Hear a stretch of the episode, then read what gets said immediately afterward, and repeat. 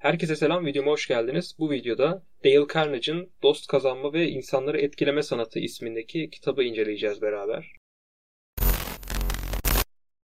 Tabii ki de tüm bir kitabı bir bölüme sığdırmak, bir videoya sığdırmak mümkün değil. Zaten 300 sayfalık kitap. Bu yüzden kitabın da kendi içinde ayrıldığı maddeleri videolara bölerek bu şekilde ilerleyeceğiz. Birinci kısım. İnsanlarla ilişkilerde temel yöntemler. Bal toplamak istiyorsanız arı kovanına çomak sokmayın. Kitap burada belli başlı örnekler vererek bizim ne konuda nasıl davranmamız gerektiğini gerektiğini anlatıyor bize. Ve ilk kısımda şunlardan bahsetmiş. Yapılan araştırmalara göre mahkumların hiçbiri kendisini asla suçlu görmüyormuş. Hatta çoğu kendisini halk için elinden gelen en büyük fedakarlıkları yaptıklarını, insanların mutluluğu için ellerinden bu geldiğini ve bu yüzden insan öldürdüklerini, bu yüzden hırsızlık yaptıklarını vesaire düşünüyorlarmış. Ve Dale Carnage burada kitabın yazarı burada bize şunu söylemeye çalışıyor. Yani hapishanedeki suçlular bile aslında kendilerinin eleştirilmeyi hak etmediklerini söylüyorlar. Biz neden kendi hayatımızdaki insanları sürekli eleştirme peşindeyiz ki diyor yazar burada. Ve şöyle bir paragrafa yer vermiş. Eleştiri karşısındaki kişiyi haklılığını kanıtlamak için kendini savunmak zorunda bırakır. Bu yüzden anlamsızdır. Bir insanın değer verdiği, onurunu yaraladığını, onun önemli biri olma duygusunu incittiği için de tehlikelidir. Yani biz bir insana tartışmaya girdiğimizde onu sürekli eleştirdiğimizde, sürekli onun bazı şeyleri yanlış yaptığını vurguladığımızda onu o kararından döndürmek, o fikrinden caydırmak yerine aslında aslında bilinç altında o kişi kendi kendine şunu söylüyor bu kişi bana bu şekilde saldırıyorsa demek ki benim de ona aynı şekilde saldırmam lazım diyor. Ve bu şekilde kendi kendine teyit ediyor sürekli kişiye. Yani biz bir insanı eleştirdiğimizde ona karşı saldırıda bulunduğumuzda sözlü olarak, psikolojik olarak vesaire aslında o kişinin o fikre daha çok sahip çıkmasını, daha çok benimsemesini ve o kişinin temelde sahip olduğu fikrin daha doğru olduğunu aslında o kişiye anlatmış oluyoruz. Bu yüzden eleştirmek ve insanlar eğer bir şey yanlış yapıyorsa bunu bunu eleştirerek, kınayarak ve ona karşı saldırıda bulunarak söylemek sadece o kişinin kendi fikrine daha çok sahip çıkmasına yol açıyor. Yani temelde biz bir durumu düzeltmek için o kişinin bir şey yanlış yaptığını düşündüğümüz için o şekilde söylüyoruz. O şekilde bir yaklaşım sergiliyoruz, onu eleştiriyoruz. Fakat temelde bu hiçbir işe yaramıyor. Kitap daha birçok ünlü insandan, birçok tarihte yer edinmiş insandan örnekler veriyor. Fakat ben bunların hepsine hepsine yer vermeyeceğim. Çünkü zaten kitabın ileriki safhalarındaki tüm prensipler aslında tek bir konuya dayandığı için buradaki tüm örnekleri vermemin pek bir anlamı yok. Siz zaten e, isterseniz alıp okuyabilirsiniz. Kısacası birinci prensip eleştirmeyin, kınamayın ve şikayet etmeyin. İnsanlarla ilişkinin sırrı. Dünyada insanlara istediğinizi yaptırmanın tek bir yolu vardır. Bunu hiç düşündünüz mü? Evet, sadece tek bir yol. Karşınızdaki kişiye işi yapma isteği uyandırmak. Eğer iş hayatında veya ilişkilerde karşı taraftan bir şey yapmasını istiyorsak bunu sadece sadece o insanın o işi yapmasını kendi arzusuyla, kendi özgür iradesiyle yapmak istediğinde o işi insana yaptırabiliyoruz. Burada biraz psikolojik kısımlardan bahsetmiş, Freud'dan vesaire bahsetmiş ve insanların ortak 8 temel ihtiyaçlarının olduğundan bahsetmiş. Bunlardan birincisi sağlık ve güvenli bir yaşam, ikincisi yiyecek, üçüncüsü uyku, 4 para ve paranın satın alabileceği şeyler, 5 ölümden sonra hayat, 6 cinsel doyum, 7 çocuklarla birlikte mutluluk ve esenlik, 8. Önemli biri olma arzusu. Aslında bizim genel olarak yaptığımız tüm her şey bu sıralamanın en sonunda ve aslında baktığımızda en önemsiz olarak görünen maddeye dayanıyor. Önemli biri olma tutkusu. Önemli olma tutkunuzu nasıl giderdiğinizi söylerseniz size nasıl bir kişi olduğunuzu söyleyebilirim. Karakterinizi belirleyen en önemli özellik budur. Yani temelde bizim yaptığımız tüm her şey, iyi veya kötü tüm aktiviteler bizim önemli olma arzumuzu gidermek üzerine kurulmuş durumda. İnsanlar kimi zaman ilgi toplamak ve önemli olduklarını hissetmek için hasta rolü bile oynarlar. Burada bir başkanın, belediye başkanının karısının kendisiyle ilgilenmesi için haftalarca hasta rolü oynamasından bahsediyor. Ve bu konu hakkındaki verdiği en büyük örnek de deli hastanesindeki insanlar. Araştırmalar dolayısıyla şu fark ediliyor. Aslında deliren insanların hiçbiri beyinsel olarak fonksiyonlarını yitirmiyorlar veya bunlarda bozukluk sergilemiyorlar.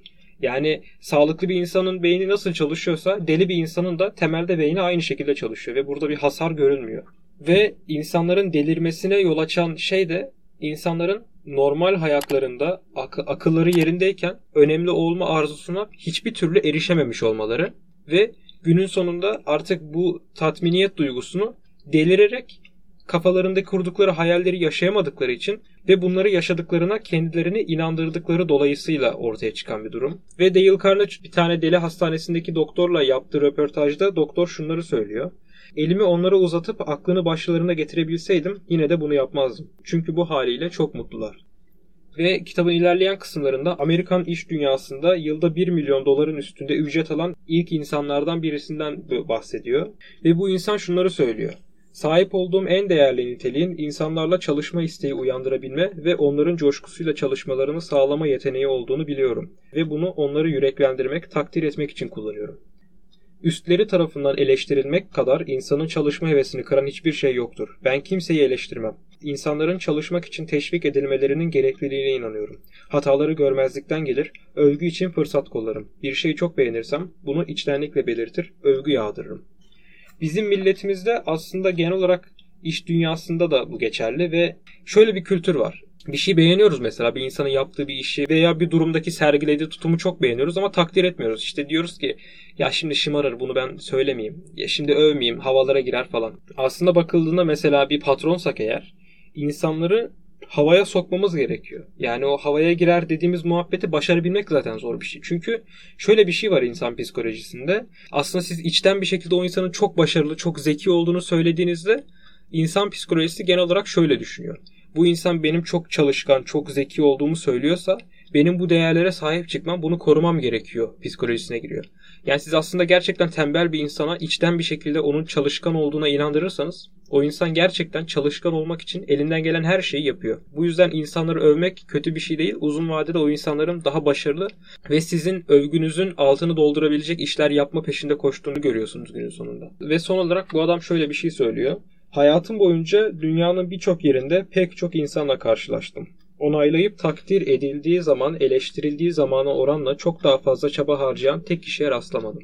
Tabii ki de burada şöyle bir sıkıntı var. Övgü demek yağ çekmek demek değil. Eğer siz öveceğiniz insanı içten bir şekilde gerçekten öyle düşündüğünüz için ya da öyle olmasını istediğiniz için övmüyorsanız, sadece övmek için övüyorsanız övmemeniz uzun vadede daha, daha mantıklı. Çünkü insanlar bunu çok rahat bir şekilde anlayabiliyor.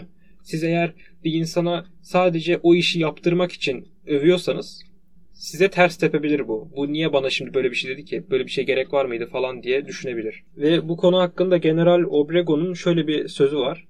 Sana saldıran düşmanlarından korkma. Sana yağcılık yapan dostlarından kork.